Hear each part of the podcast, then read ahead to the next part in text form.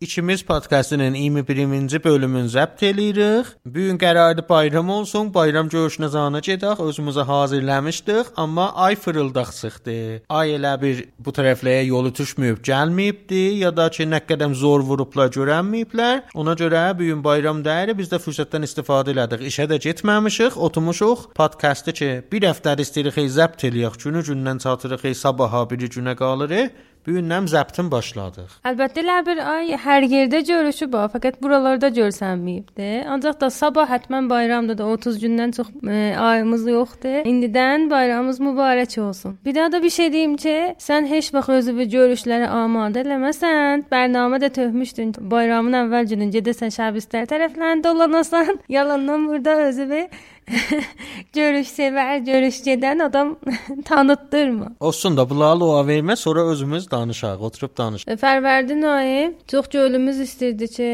Döhtür Riza Bərahəniyə özəl bir bölüm işləyək, sayı işləyək, o da olmadı, cür gəlmədi. Təəssüflə bu dəyərli yazarımızı Fərvərdinin 5-də əldən verdik. Mənim ən sevdiyim yazarlardan biri idi. Həm də Təbrizli yazar idi. Mən şeirlərindən, kitablarından oxumuşdum. Bu il də proqramımda var idi ki, başqa kitablarını da alıb oxuyam və sevinirdim ki, bir yazar vardı ki, onun diriliyində mən kitablarını oxuyuram. Amma heyf oldu ki, bu il Döhdür Rza Bərahəni həyatım dəyişdi. Çox üzücü bir xəbər oldu da. Demək olar ki, elə dünyada səsiləridir. Bir baxışla baxsaq, da bölüm ki işləyənmədir. Bir dənə mahnı var ki, Bərahəninin ölümündən sonra işləndi. Çox da dəyərli bir e, mahnı oldu. Onu ba həm eşidək. Eşitməmişdən qabaq bunu da izafə eləyim ki, bu mahnı ustadın öz şeirlərindən tərcümə olunubdur. Döhdür Lalə Cavanşir Günəş gəlsin deyə şeiri tərcümə eləyiblər. Solmaz xanım Balayı e, mahnını oxuyublar və bu əsərin bəstəkarı Arya Türkanburudur.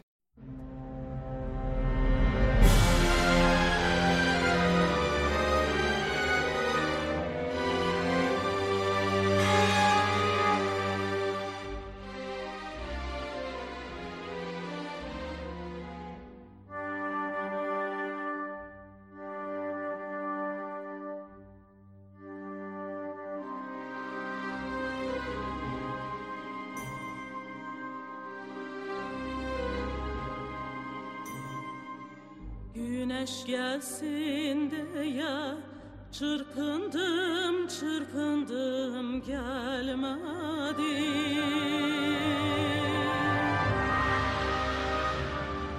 Kağız duvar torpak daş üstüne daş üstüne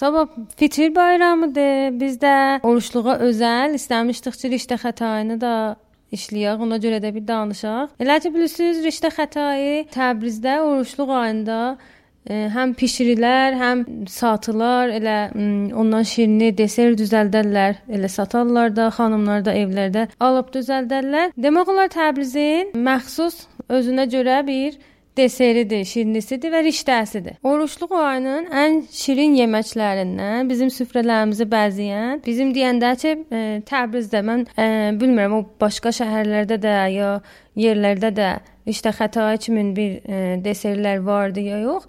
Amma bu Təbrizdə e, dediyim kimi bişirilir. Təbrizin e, tarixi bazarınaca yolunuz düşsə, oruçluq ayında bəlkə görmüsüz.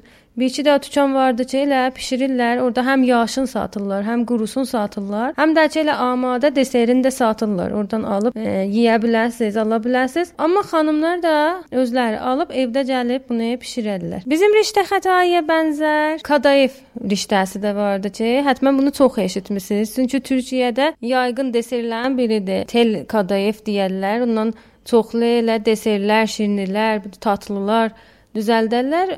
Çünki Türkiyə özünüz bilirsiniz, həm turisti bir məmləkətdir, həm də ki Elə yeməklərin dünyada yaxşı tanıtdırıbdı. Bu Tel Kadayev hamı eşidibdi. Elə fasların içində də tanınıb, bizlərin içində də tanınıb. Amma bizim Riştə Xətac ona çox-çox da elə bənzərliyi vardı. Öcür çəcərəş tanınmayıbdı. Gəlli ola bilər ki, fəqət oruçluqda yeyilir də bu. Yəni siz bazarda gedəsiz ki, məsələn, riştə xəta istəyən malam ayrı ilin o birisi aylığında alanmasız. Təh oruçluq ayında ceyb ala bilərsiniz. Bu bir iraddır da o tanıtdırmaq üçün. Çünki məsələn, tərəf cəhətdə özə ki, oruçluq ay ola gələ məsələn ala bazardan bu riştəni. Əlbəttə bunu da deyim ki, burada xanımlar alarlar, qurusun saxlarlar. İli sərəsərdə hava görürlər, çəhdib deserin düzəldərlər. Yəni indi hava istədilər, onu isladıb bişirərlər. Bilmirəm, şayad çoxlar deyəsən bu nə cür bişirərlər. Bu riştə həm quru satılır, həm yaş satılır. Yaşın e, oruçluq ayında bazardan ala bilərsiniz. Yaşı da rahatdır da. E, gətirib hər nə cür şəkil versəz, eləyə bilərsiniz. Məsələn, buxça modeli eləyə bilərsiniz. Tavada yayıb e, öcürsə bişirəsiniz ya hər şəkildə rolet modeli eləyəsiniz. Yəni yaşın hər şəkildə istəsəz düzəldə bilərsiniz. Amma qurusun alıb saxlarlar xanımlar. Gərək bişirməmişdən qabaq e, isladasınız. 10 dəqiqə vaxt verəsiniz ki, bu dəmlənə. Dəmlənəndən sonra bunu bir tavanın içinə yayırsınız, biyazın.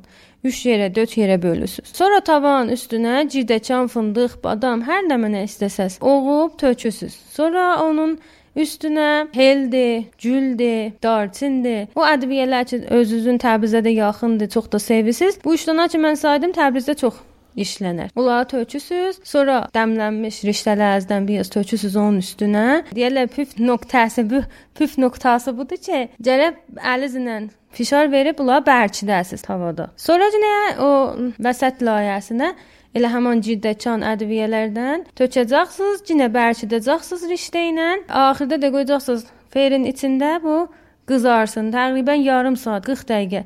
Zaman istir ki, bu pişsin və qızarsın. Bu fasilədə siz gərək şirəni də hazırlayasınız. Şirə də ki, hamı başarır şirə hazırlamağın.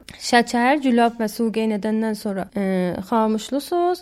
Elə ki, deseri ferdən çıxartdınız, şərbətin boşaldırsınız üstünə. 10 dəqiqə zət e, fürsət versiniz bu şirəni çəksin canına. Ondan sonra sizin riştə xətayı deseriz hazırdır. Sən ki dedin müşabehlər həttəmən ayrı şəhərlərdə vardı. Rəştə gördün də, bir dənə riştə vardı satırlar. Deyirəm bizimkin bərəksi ilin sərəsəri bunu bişirib satırlar. Riştə xoşkar adında. Ki təqribən elə mən özü baxdım riştə xətayı da elə içi də təqribən həmandır. Şayad biz ədvaları filan nabiq olsan içi fərq eləyə. Amma o nə cür ki cüylülə, cüyləmək şəkli, ehtimalən riştəsi ilə məvaddı filan elə eyni eyni riştə xətayıdır. Yəni elə məsələn rəştədə elə o müşabihin cüylüklər özdə gördün də o bazarında vaxt verirlər, növbə verirlər. Əvvələn gündə işləyirlər, tə oruçluq dəyir. Kiminci vaxt verilir. Məsələn sən pulun versən, məsələn deyilə 3 saat, 4 saat sonra amadədir. Orada da dalbadal bişirirlər, hazırlayırlar, verirlər. Biz də aldıq da indi frizerdədir və bilmirəm 1 ay 2 aydır müntəziriq ki, Məryəm ola qız assın biz yeyək. Hələ də xəbər yoxdur. bir qolu vaxt hövsələ olmayıbdı. Amma öcür elədi. Aparlı evdə xanımlar eyni riştə xətayı. Bir daha da fərqi buydu ki, içi də amadədir orada da lazım deyil için evdə cüyləyəsiz. Fəqət elə o cür amadəsin, qızardısınız evdə yeyirsiniz. Oranın dişdə xoşkarı bizim dişdə Xətaydan çox tanınıbdı. Mən fikrim elə cinə də əsli dəlli o turisti bəhsdi və bir də ki ilin sərəsəri bişirirlər və özdə içinzanı da amadəyiblər, rahat deyiblər mərduma. Mənə də elə gəlir. Onlar ili sərəsər riştə xoşkarı öcür e, bazarda bişirirlər. Hər kəs də gəlir alır. Cəmaata da onu adət veriblər də ili sərəsər vardı. Nə gözəl olardı ki bizim bu Təbrizdə də elə bu dükanlar yığılmayaydı, fəqət oruçluqda olmayaydı. Elə yaş riştəni bişirib elə orada sataydilər. Düz də mən dedim, onlar indi e, deseri özləri də amadə satırlar. Yəni fəqət riştə satmırlar dükanlarında. Amma bu ili sərəsər olsa, daha çox tanınsa, həm şəhrimizdə yaxşıdır, çünki da bu Təbrizin deyirlər tatlısıdır da. Gözəl olar ki, bunu tanıtdıraq. Oracan ki başarıq, saxlayaq da, diri saxlayaq. Özür dilə, hədəf də burada mərifədən ya o yan bu yanda yazmaqdan, deməkdən odur ki, bu cür bizatlar həm diri qalsınlar, həm e, tanınsınlar. Çox adam şahid iş Təbrizin özündə də bilmir bu cür bizat vardı, bu cür bir tatlı vardı, yeməli vardı. Heç oşluğu da işlətmir. Təbrizdə mən heç görməmişəm. Məmulən o modern deserlər zətdə qoyurlar süfrələrə zətdə qonaqlıqda verəndə. Amma məsələn mənim nəzərimə heç olmasa Təbrizdə gərək tamam süfrələrdə elə bu olaydı oşluğu ki, yoxdur. Necə bamiyə vardı, əksər qonaqlıqlarda süfrələrdə gərək bu da olaydı. Mən ki uşaqlığımdan yemişəm, sən bilmirəm. Mənim əmməm də, əmmə qızılam da Oruçluq süfrələrindən əslən əskik olmazdı. Fəqət bir daha da bu deyim ki, bu xətayı ki, ehtimalən adı da Səfəvi silsiləsindən gəlir. Xətaylardılar da onlar. Şah İsmail Xətayı məsələn. Bu t dəstəli t ilə bəzi adam yazır xəta mənası verir, qələtdir. Yəni bu fəqət e, o yan bu yanda görsəz də iştibah yazırlar, siz çırıxmayın. Bu iki nöqtəli t ilədir bu xətayı. Ceyl orada Ərdəbildə Səfəvilərin o bəzən yazılar bir yerdə yazılır məsələn Şah İsmail xətayı dəstəli t ilə. O da qələtdir. E, burada da riştələrin adını xətayı dəstəli t ilə yazan məsələn tabloda o yanda bu yanda o da qələtdir, iştibahdır. Ona görə ona da diqqət eləyin. Mən bu riştə xətayını işləməkdən ötür e, getdim görəm bu qədimdən ha vaxtın deseridir, tatlısıdır, şirnisidir. Bəlkə bir zətlər çıxarda bildim. E, amma heç zət tapamadım. Burdan da eşidənlərimizə səslənirəm. Əgər siz bir kitabda ya bir yerdə gözdə dəyibdir, işte xətaya görə bir məlumatınız vardı, sevinərik ki, bizdən paylaşasınız.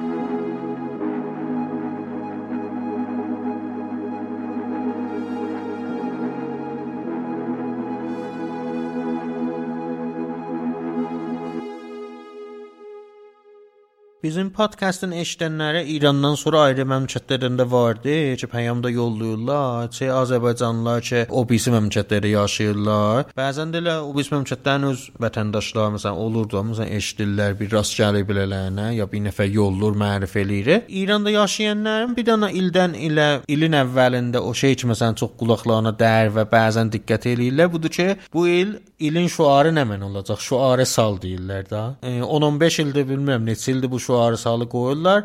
Bir 10 il zət olar, 8 il olar şayad elə iqtisad, tövlid filan. E, amma mütəəssifanə iqtisadımız da elə dalı gedir, tövlidimiz də dalı gedir. Ş- Şüarsal təsir qoymur, yəni bir ittifaq düşdün. Müşabihin bu gün nə gördüm ki, biz Avtob Azərbaycan zamanı bir dənə otobus çərxanası, otobus düzəldən çərxana ilə Təbrizdə müsahibə eləmişdik ki, bunlar uzun otobuslardan ki, Təbrizdə şahid bir yardda görmüsüz, onlardan cürdüdülər ki, məsələn o vəsətdə akkordeonla vəslə ola bir-birinə. Bunlar o şüarı sal nəm tövlid, nəm cəhşi tövlid, onlara ki tövlid, nəm filan behman. Bu şüarlar ola ola Təbrizdə sahib durmadılar. Vizar kişvər otobusların almadı. Bir cür oldu ki, indi Türkiyəyə daşındılar, kullan çərxana apardılar Türkiyəyə. Akia brendi ilə indi. Yəni elə Təbrizdə də fikrin brendlər o idi. Otobus vururlar, dünya sadir eləyirlər, böyük bir şirkət olublar. Taza da İstanbulun qərardat bağlayıblar. Bərqi otobus vurublar və bu bərqi otobuslar veriblər İstanbula. Çox cəlib. Adam kef eləyir ki, biləxərə Təbrizdən bir muxtəri, bir iş adamı gedibdi. Orada da müvəffəq olub dünya həddində. Amma bir tərəfdən də təəssüf ki, axı niyə bə burada qalanmadı? Niyə burada himayət olmadı? Niyə məsələn burada eləyənmədilər otobuslar alsınlar? Niyə burada cülüb sadirat eləyənmədi? Bu cür bəhslər olur. Biz ikimiz podkastda görmüsüz da fərhəngi mövzular məsələn, bu cür gündəm mövzular, bu cür mövzular ki, demək olar ki, ümumi ictimaiyyətdə bu cür biz hətta işləyirik. Səylik fan olsun filan, amma bu seyir dedik bir tikə qoyaq burada. Bizim səbkimizdə dəyər bu şayət. Amma rəbt verib öz səbkimizdə bizət gedək. Bir dənə firqə istəyirik mərif eləyək. İndi bunların bir-birinə nə rəbti vardı? Eşidəcəksiniz və görəcəksiniz. Bilmirəm kargo kalt e, indiyəcən qulağa dəyib yox. Bəlkə də eşitmisiniz. Kargoçu həttəmən eşitmisiniz. Amma bu kargo o kargolardan siz bilirsiniz dəri. Çünki kalt cəb yana və bir firqə anlamında daşıyır. Bir dindir, ayindir, məzhəbə bir ayin. Həm də məzhəbə ayin olubdu özünə görə. Kargoçu bilirsiniz, hər nə mənə ki, hava peymi ilə, çəşdi ilə deyirlər yükdür da, yollayırsan bir tərəfə ona kargo deyirlər. Həmlu nəqli də sadəsi. Sadəsi də həmluna. Kalt da ki, anlamı olur firqə. Həmin ki sən dedin elə ayin, məzhəb anlamında. Bunlar birləşəndə olur e, bir dənə məzhəb. Farsısı olur məhmule pərəsti, yəni yük sitayiş eləmək. O dinin əsli bizadı yük olur da. Demək olar kargo həmin yük olur. Bu da deyim ki, bu ayin məzhəb çox da qədimi bir şey deyil. Düzdür elə, əslən yox idi qabaqcan. Əsli başlanış yeri Oqyanus Aram Cineno deyirlər, amma ayı elədir görsənibdi bu müşabehləri ki, təqribən dünyanın 2000-ci savaşında kargo kalt başlayıbdı. Sonradan ad qoyublar. Ha, amma o milləti ki, o adamlar ki, məzhəbi qəbul eləyiblər, ibadət ünvanında qəbul eləyiblər. Onlar özlərinə mənə deyirlər, mən dəqiq bilmirəm. Bəli, bu ümumi adamların özlərində mən bir buna ad qoyublar da, bizatlar. Vücuda gəlmə çox cəlibdir. Bu bu ümumi adamlar baxırdılar, gördülər ki, bu olan dillərində ağ adamlar da, məsələn, sefid pustlar heç düzəməlli bir məsələ müfid iş görmürlər, amma bilələrinə hər zat gəlir. Yemək içməkdən tut geyinməklərinə görə, əyləncələrinə görə, təfrihlərinə görə bizatlar həvapemi ilə, kəşti ilə, qatarla gəlir yetişir əllərinə. Bunlar baxırdılar, gördülər ki, bunlar məsələn nə edirlər? Səhərdən axşamacan oturublar bir daha səndəlin üstündə. Hərdən yalandan bizat yazırlar, onların baxışlarıyla. Bir daha məsələn dəstgahın qabağında oturublar, cız, bu cür səs salır dəstgah, məsələn Morse dəstgahı filandır. Amma məsələn bir həftədən bir, həftə həftədən bir bunlara yemək gəlir, benzin gəlir, paltar gəlir, bu cür bizatlar gəlir. Gördülər ki, bir əcib qərib gəlir bunların nəzərlərinə. Dedilər ki, həttəmən bunlar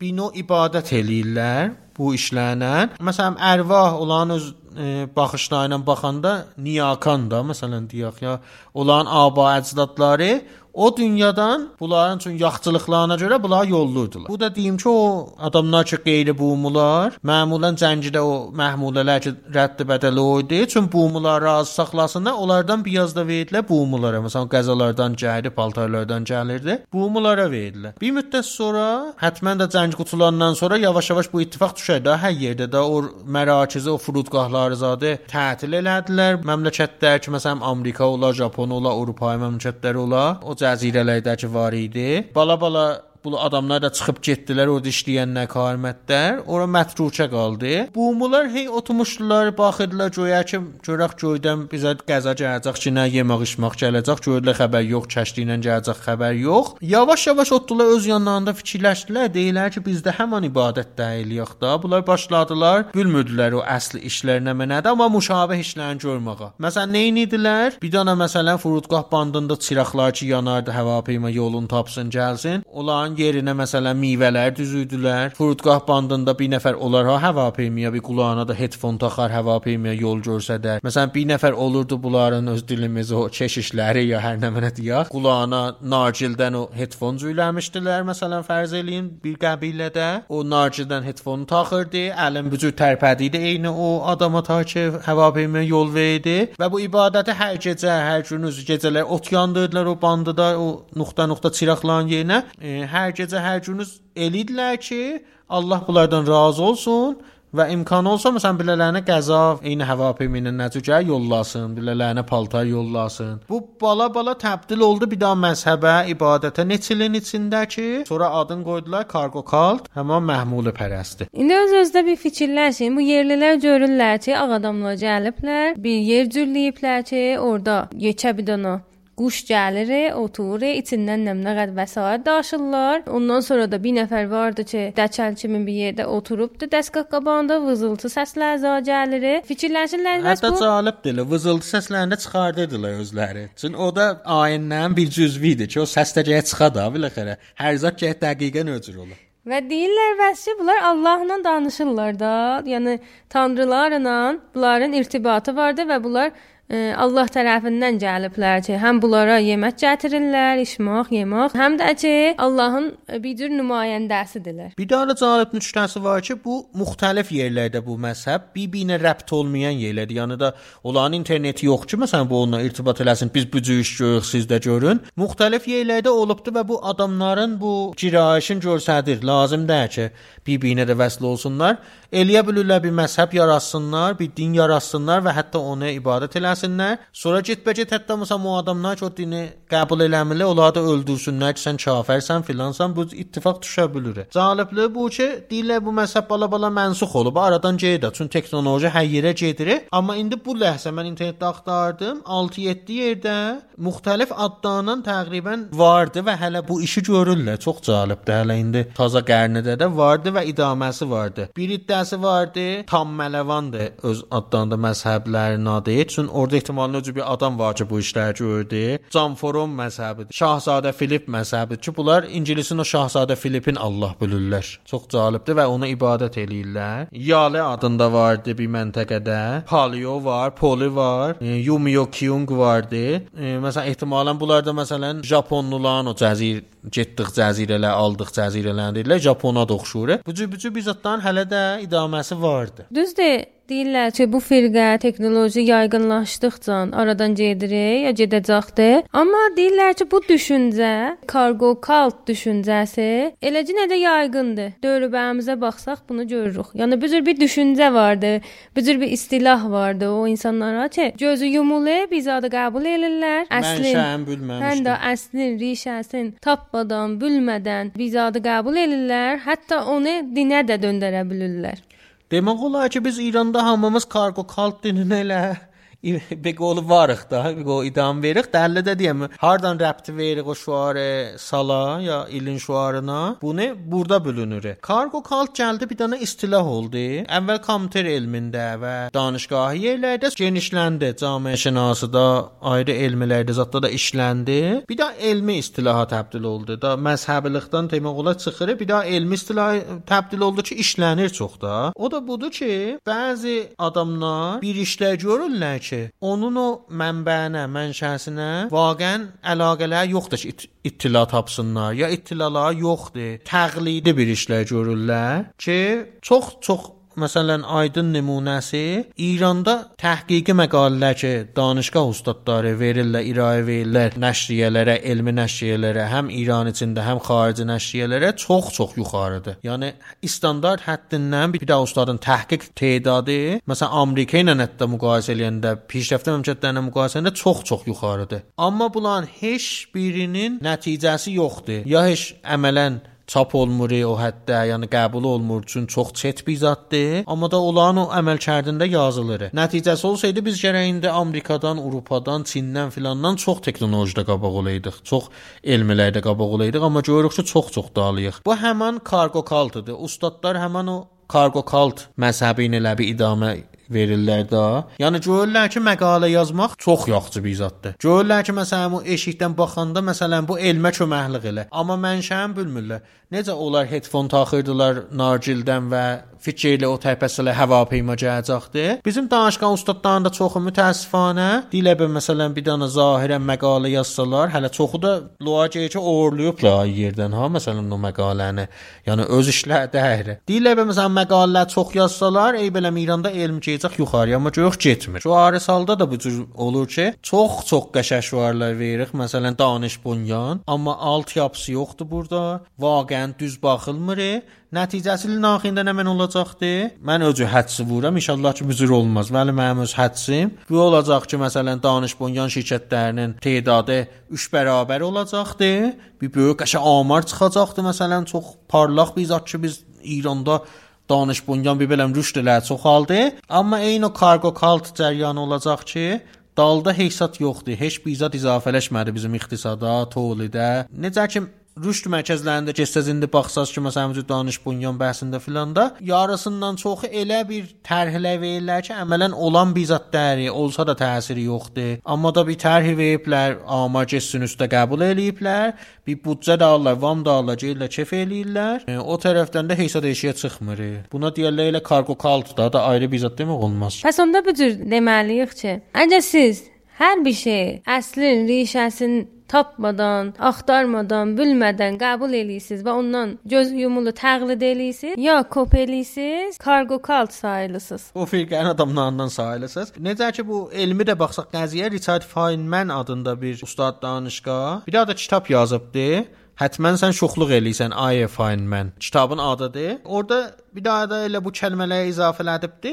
Farsı tərcüməsini mən baxdım yazıb ki, elmi barpərəst quni. Yəni həmin yuh pərəstiş eləmək elmi. Məzhəbdən çıxardıb elmə apab həmin mən sözcü deyirəm. E, deyib o fəaliyyətlər bu elmə şamil olur ki, elmi nişanələr vardır. Məsələn məqalə yazılır ona görə həmin ki mən dedim. Amma payəsi elmidər və e, vaqən sadiqanə azmayışların üstündə, elm üstündə bir payəsi yoxdur. Bir tərəf türkçüsü bu olur. Mədə gücü bizatda yazır elm adında. Ya da ki kop eləyib də. Özür Məsələn də. bir iki yerdə oxuyubdu, onlar qarışdırıbdı. Biraz ondan götürüb, biraz bundan götürüb. Biraz onun təhqiqi, biraz bunun təhqiqi cətib bir daha məqalə qoşubdu. Özürdür. Bir daha cəlibli ki, çox da e, mırt oldu üstündə. Həttəmən səndə yadvacaydı. Bir dənə Malla Beqoli ustad danışqadı. Biografisində 50-60 dənə məqalə adı yazmış ki, bunları mən təhqiq eləmişəm. Məsələn, nə mən edilər? Məsələn, hala o addan deyirəm farsdan ki, var idi yadıma gələnlərin. İstifadə az هواپیماهای بدون موتور با استفاده از مثلا تکنولوژی قالیچه سلیمان مثلا. استفاده از پرندگان مثلا برای مثلا جاسوسی با استفاده از مثلا روش مثلا گفتگوی سلیمان با پرندگان وجود وجود بیزatlar məqalat elmi özün danışdıysan deyə çox yuxarı məqalələr çox çox vardı. Məsələn 60 da azad buna model vardı. Vəli gülməli gəl bizə.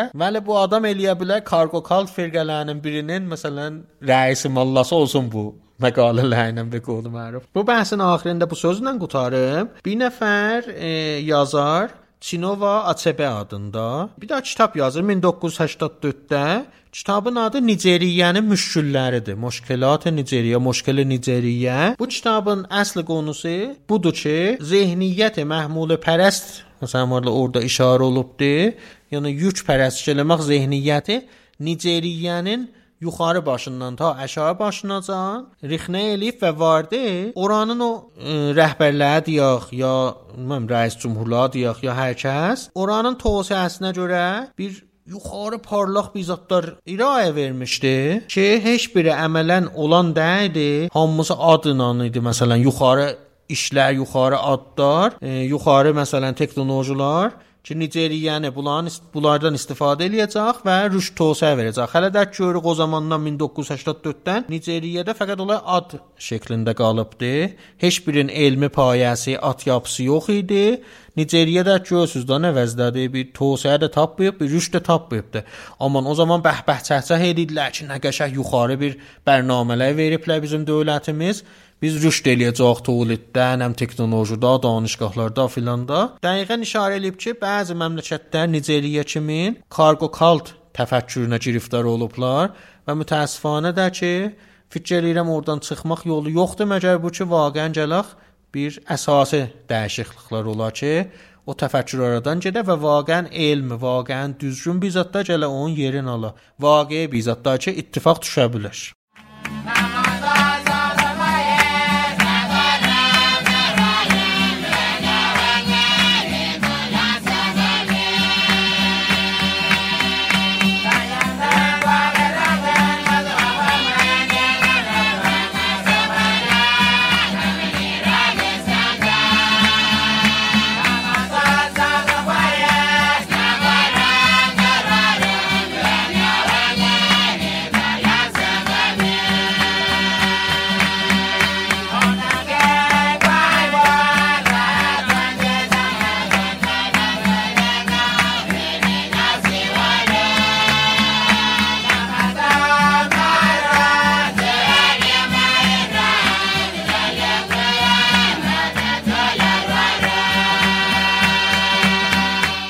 Biz qabaqçı epizodlarda bir dənə bölüm izafələtmişik ki, mahnılarımızı incəliyirik. Mahnılarımızın necə nağılı vardı, onlara görə danışırıq, şeirinə görə danışırıq, e, ahənginə görə danışırıq, musiqisinə görə danışırıq. E, əlbəttə e, bunu da deyim siz eşidənlərimizin önərisi ilə bu bölümü sırıqçı elə bir cür davamı olsun, ardı gəlsin. E, keçən e, sayılarda, yəni 19-cu epizodda e, Mikail Müşfiqin mahnısını işləmişdik. Çox da istiqbal olmuşdu. Sizlər də e, yaxşı kommentlər vermişdiniz. Yaxşı peyamlar gəlmişdi buna görə. E, bu dəfə də dedik ki, Çiraq öz dövrəsinə işıq versin də.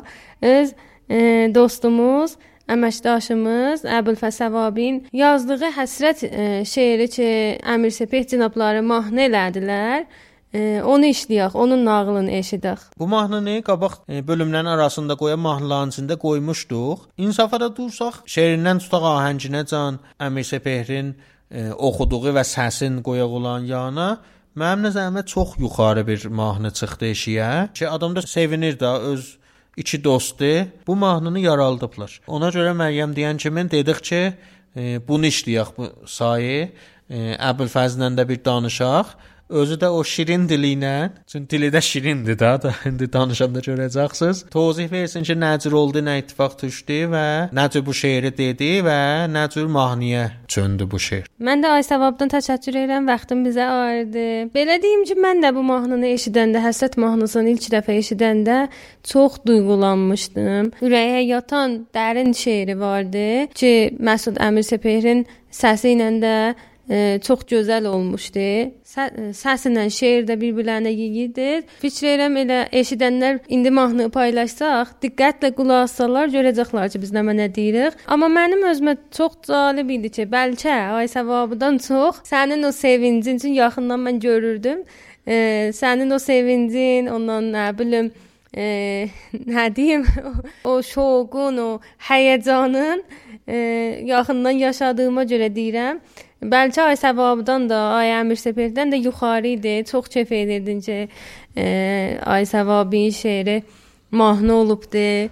Heç özümün şeirimzam yoxdur. Vələ olsaydı da özüm mahnı olsaydı, bilən sevinməzdim ki, əvvəzə sevindim, düz deyirsən. Doğudan da öcür idi və mən sənin o şoqu və o həyəcanı və o sevinci və çox sevinirdim. Yəni mutlu günlərimiz idi. O günlər ki, gördükcə bu mahnı oldu, yayıldı. Həm gözəl hissi var idi mahnının özünün, həm də ki bizə bir fərqli hissi var idi. Necə ki dedik, fikir elədik ki, bu sahədə Əbülfəz özü tərifləsin. Ayə Səvabi, Əbülfəz Səvabi ki, Dilsan Ucan təxəllüsü ilə də şeirlər çap olub 3-4 şeir kitabı çıxıbdı. Bir şair olaraq, bir yazar olaraq, təranə yazarı olaraq özü tərifləsin ki, əvvəl nə ittifaq düşdü, necə bu şeir mahnı oldu. Əfəs çox təşəkkür eləyirəm ki, bizim dəvətimizi qəbul elədin. Denə görək bu şeir necə vücuda gəldi? Nə mədən təsir götürdün bu şeiri yazanda?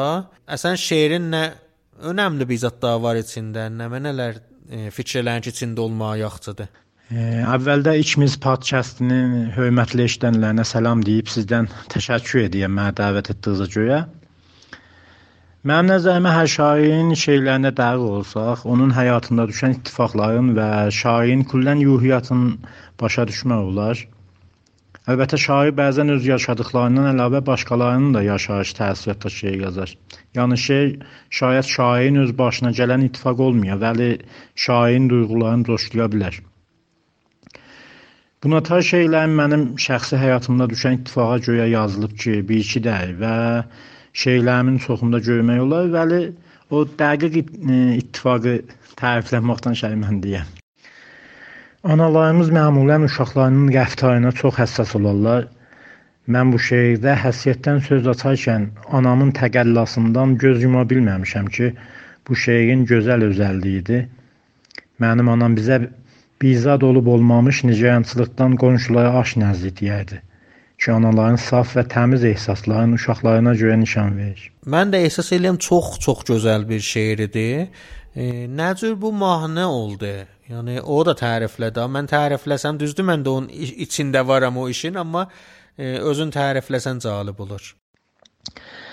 Mən ustad Məsud bəy Əmi Sipehi illərdir tanırdım və mahnılarındakı təbiətən qulaq asardım və çox müştaq idim ki, şeirlərimdən onun o gözəl səsi ilə mahnı ola.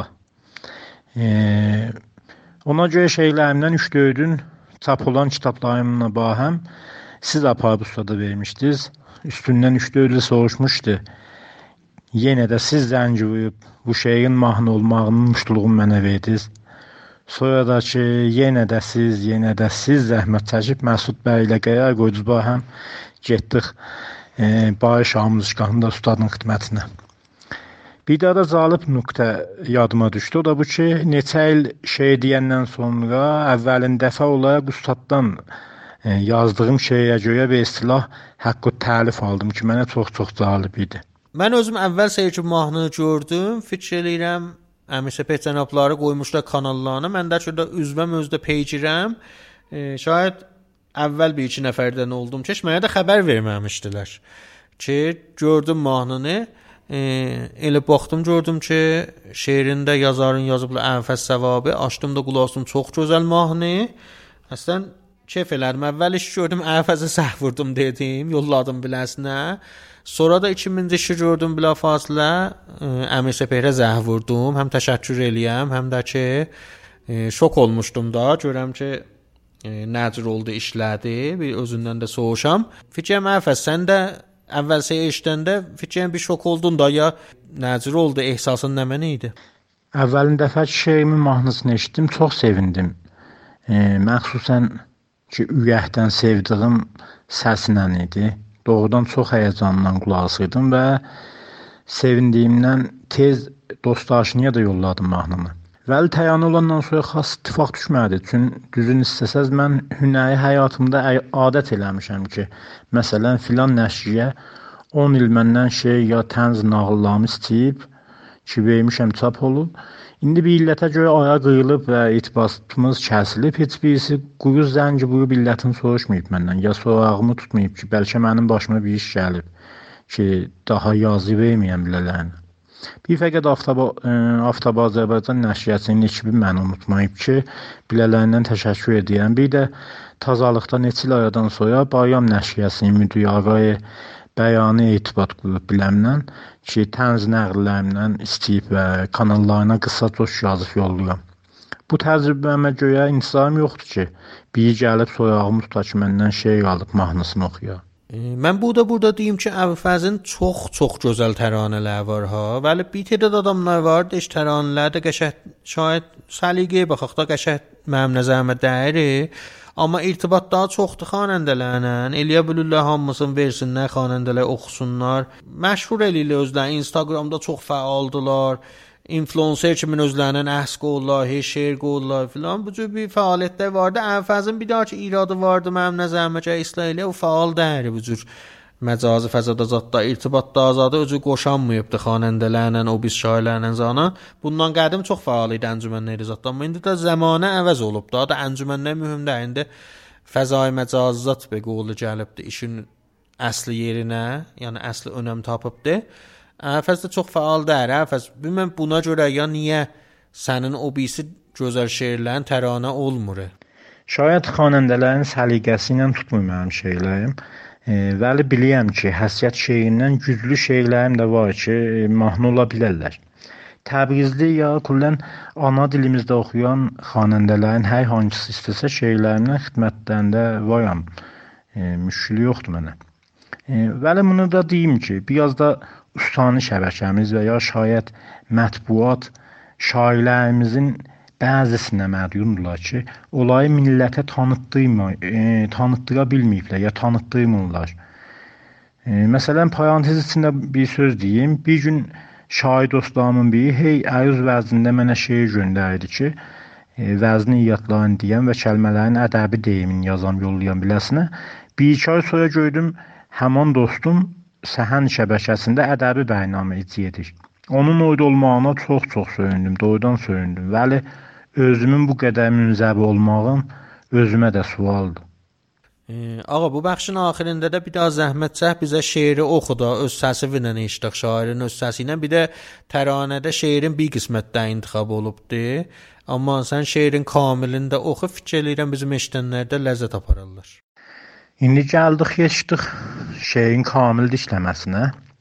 Eşidənlər də həttəmən bilirlər ki, mən Y hərfini elə Y tələffüz edirəm.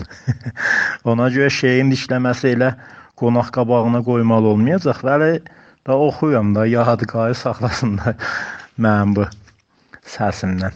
İstəyirdim başlayam, yazam sevgidən. Yazmamış dəftəri büyümüşdü çən. Gəl ki, ağlamağa sevindiyimdən gözümdə bir bulud yaş saxlamışam. Umudsuz qalmışam sənə çatmağa, yastığım tikandır gecə yatmağa. Gedib göl başında suya atmağa, ovucumda sən üçün daş saxlamışam.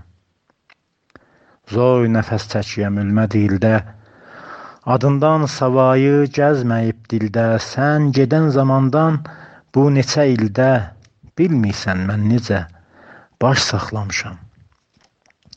Ürəyim şan-şandır, pətək deyil ki, xatirən dərdimə kömək deyil ki, bu sən tanıdığın ürək deyil ki, köksümdə çırpınan quş saxlamışam. İçərim dərdlidir, yoxdur çayası, günbəgün dərinə düşür yarası, nə qalıb saçımın bir tək qayası, nə də ki ağzımda diş saxlamışam. Adımı soyurlar yadıma düşmür. Gözlərin gözümə daha ilişmir. İllərdir əllərim sənə yetişmir. Yalandan özümü xoş saxlamışam. Məni öldürürdü, ayılıq dəydi. Anam durumumu çarəsiz gördü, hey dua eylədi. Hey nəzir idi. Sənə də bir kasa aş saxlamışam. Hər halda boş qalıb könlümdə yerin, bir sadə qəlbim var, dənizdən dərin, axirdən bir bəndin yazdığım şeirin sənin hörmətinə boş saxlamışam.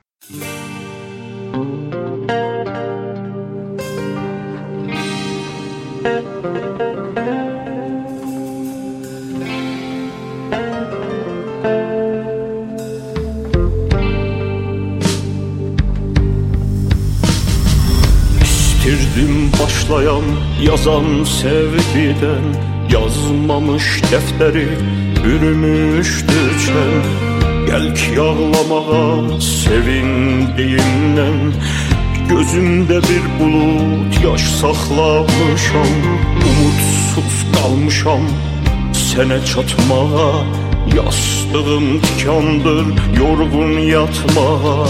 Gelib göl başında suya atmağa Avucumda sənin üçün daş saxlamışam Zor nəfəs çəkirəm ölmə dirildə Adından səvayı gəlməyib dildə Sən gedən zamandan bu neçə ildə Bilmirsən mən necə baş saxlamışam Zor nəfəs çəkirəm ölmə dirildə Adından səvayı gəlməyib dildə Sən gedən zamandan bu neçə ildə Bilmirsən mən necə baş saxlamışam Məni öldürdü ayrılıq dərdi Anam durumumu çarəsiz gördü.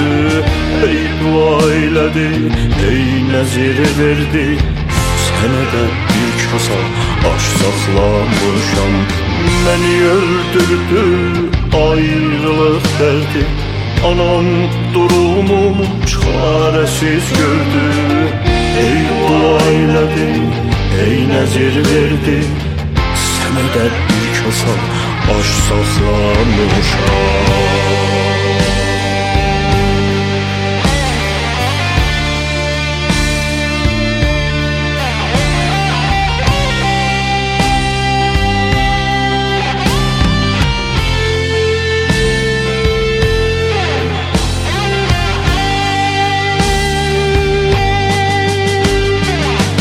Zor nəfəs çəkirəm ölmə dirildə Adımdan səvayım gəlməyib dildə Sən gedən zamandan bu neçə ildə Bilmirsən mən necə baş saxlamışam Hər halda boş qalıb könlümdə yeri.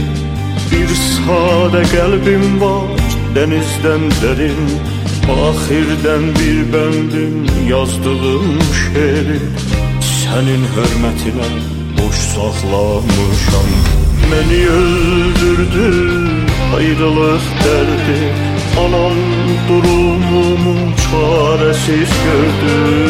Ey dua elədi, ey nəzir verdi Sənə də bir kasa aş saxlamışam Məni öldürdü ayrılıq dərdi Anam durumumu çarəsiz gördü. Ey dua elədi, ey nəzir verdi. Sənə də bir kasa aş saxlamışam Epizodumuzun sonuna çatdıq. Ümidim budur ki, bu epizoddan da razı olasınız, sevəsiz. E, hər zamanki kimi e, deyirik nəzərlərinizi, önərilərinizi, intiqadlarınızı bizi Instagramın direktindən ya Telegramdan ya Twitterdən ya hər hardan ki eşidirsiniz orada kommentlərdə bizlərlə paylaşın. O qonular, o mövzular ki istəsiz işlənsin, onları bizlərlə paylaşın. Bizi tək qoymayın da, bizim yanımızda olun. Əgər də Telegram kanalımızda yoxsuz, ya Instagramımızı follow eləməmisiniz, ya Twitterimizi tapmamısınız, elə ikimiz podcast adında bizi axtarıb tapa bilərsiniz. Çox çabalayırıq, çox çalışırıq ki, podkast biraz tez çıxsın, cilayələrinizi eşidirik, yollayırsınız biləmizə. Biz əvvəl başlayanda yadınıza gəlsə həftədə bir dənə çıxardırdıq. Sonra bala-bala oldu 2 həftədən bir, ayda bir, indi bala-bala oldu 2 aydan bir. Neçə seyirdə demişik da, bir nədəni işlərimizdir. Doğudan da vaxt eləmirik. Bu cür işlərdə bəzən görək. Burdan da şahid demək yaxşı ola ha ki, e, Adam səhəli ki, məsələn, o, o bir işdən əvvəliyyətdə olur da, biləxərə pul qazanmaq bəhsi vardı. Bəzi işlər ki, məsələn, adam biləxərə təahhüd verib görməlidir. Bu cür könüllü işlər məmulən 2000-ci, 3-cü, 4-cü əvvəliyyətdə olur. Burada da iki daha söz deyim. Bir bu ki, demək olar ki, 20 rədd eləmişik epizodu 21-ci epizoddayıq. Fikir eləyirəm ki, bala-bala deyə bilərik da ki, e, bizi sevənlər eləyə bilərlər. Əgər bir işləri var, əgər bir brendləri var, istəyirlər təbliğ eləsinlər. Bizə də sponsor ola bilərlər. Biz də özür istəyə bilirik indi daha da bölümünə yetişmişik ki, bu sözü deyək. Şayad əvvəllərdə deyənməzdik üçün taza başlamışdıq, amma sponsor axtarırıq da. Hər kəs əlaqəsi olsa bizlə irtibata keçə bilər. E, bir daha da taza xəbəri page və bir proje başlatmışıq. Xəbəriz olsun adında. Onda səy eləyək türkcə gündəm mövzuları, türkcə səs, yazı, video bu cür bir rəvişlərlə e, sizə çatdıraq. E, seçici bir qonular işləyirik orada da. E, Instagramda ya elə o birisi yerlərdə Twitterdə, e, Telegramda, Clubhouse-da e, xəbəriz olsun X-ilə xəbəriz olsun. Axtarsaz tapa bilərsiniz. Orada da gözləyirik ki, olasınız. Sevinərik orada da olasınız, bizlə yol bir olasınız.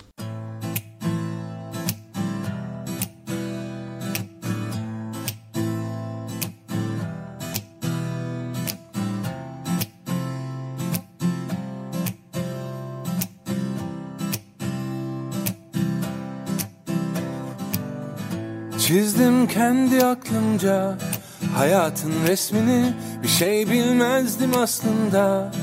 Karıştırdım tüm renkleri. Hata yaptım tabii. Herkes başka bir şeyden kaçırmış kendini. Bazen yaşlı gözlerle kabullenmiş gerçekleri Bazen memnun gibi.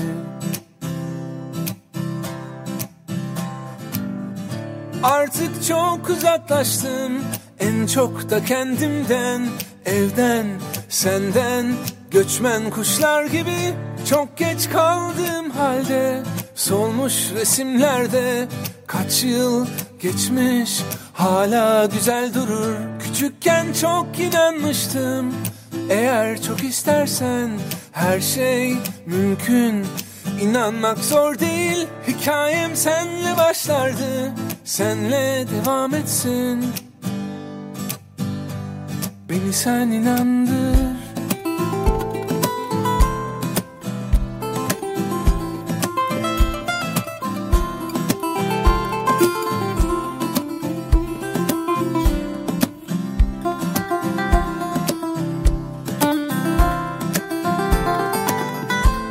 Çizdim kendi aklımca Hayatın resmini Bir şey bilmezdim aslında.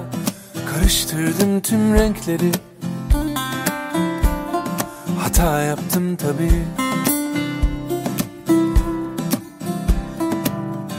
Herkes başka bir şeyden Kaçırmış kendini. Bazen yaşlı gözlerle Kabullenmiş gerçekleri Bazen memnun gibi. Artık çok uzaklaştım. En çok da kendimden. Evden, senden. Göçmen kuşlar gibi Çok geç kaldığım halde Solmuş resimlerde Kaç yıl geçmiş Hala güzel durur. Küçükken çok inanmıştım. Eğer çok istersen Her şey mümkün. İnanmak zor değil. Hikayem senle başlardı. Senle devam etsin. Beni sen inandır.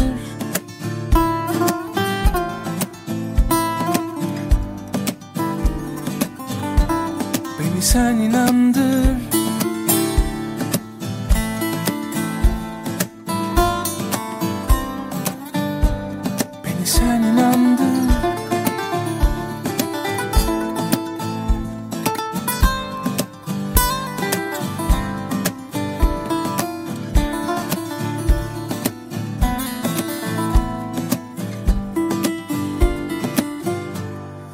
さになんで